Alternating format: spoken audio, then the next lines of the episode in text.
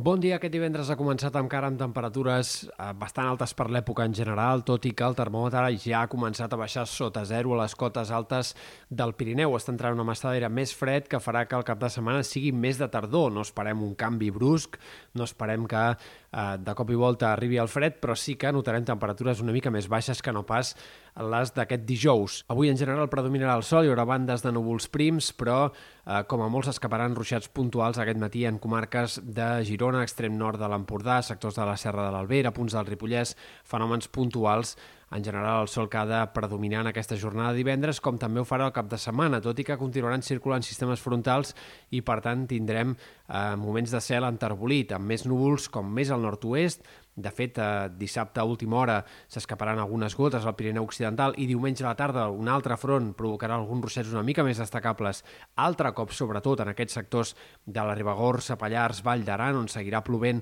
de forma intermitent, mentre la resta pràcticament no arriben precipitacions. Sí que és veritat que el front que arribarà dilluns serà una mica més actiu, tot fa pensar, les pluges tornaran a ser destacables en aquest sector de l'extrem nord-oest de Catalunya i en aquest cas podria arribar a ploure també amb una mica a més de presència cap al ponent, algunes comarques del sud, difícilment seran quantitats destacables, però potser sí una mica més apreciables que les dels últims dies. A la costa molt probablement no arribaran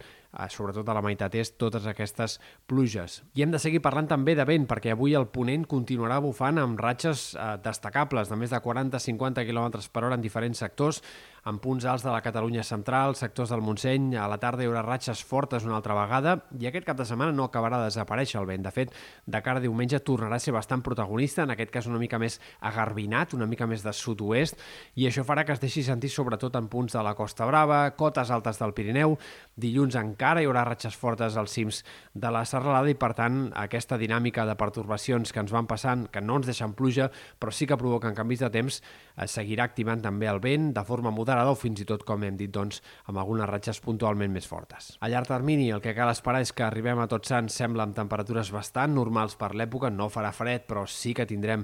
eh, un ambient relativament normal per ser finals del mes d'octubre. Alguns models comencen a insinuar que potser la primera part del novembre tindrem temperatures en general una mica més baixes del que tocaria per l'època, és a dir que difícilment ens instal·larem en un altre període de temperatures molt altes, sinó més aviat en valors normals de tardor, fins i tot una mica de fred per l'època en alguns moments, veurem si això es va confirmant i de moment poques senyals de precipitació tampoc a llarg termini. Sí que és veritat que a partir de Tots Sants, de cara a la segona part de la setmana que ve, alguns models de previsió comencen a apuntar la possibilitat d'alguns canvis, però de moment eh, són símptomes bastant tevis, poc clars i que no conviden gaire a l'optimisme.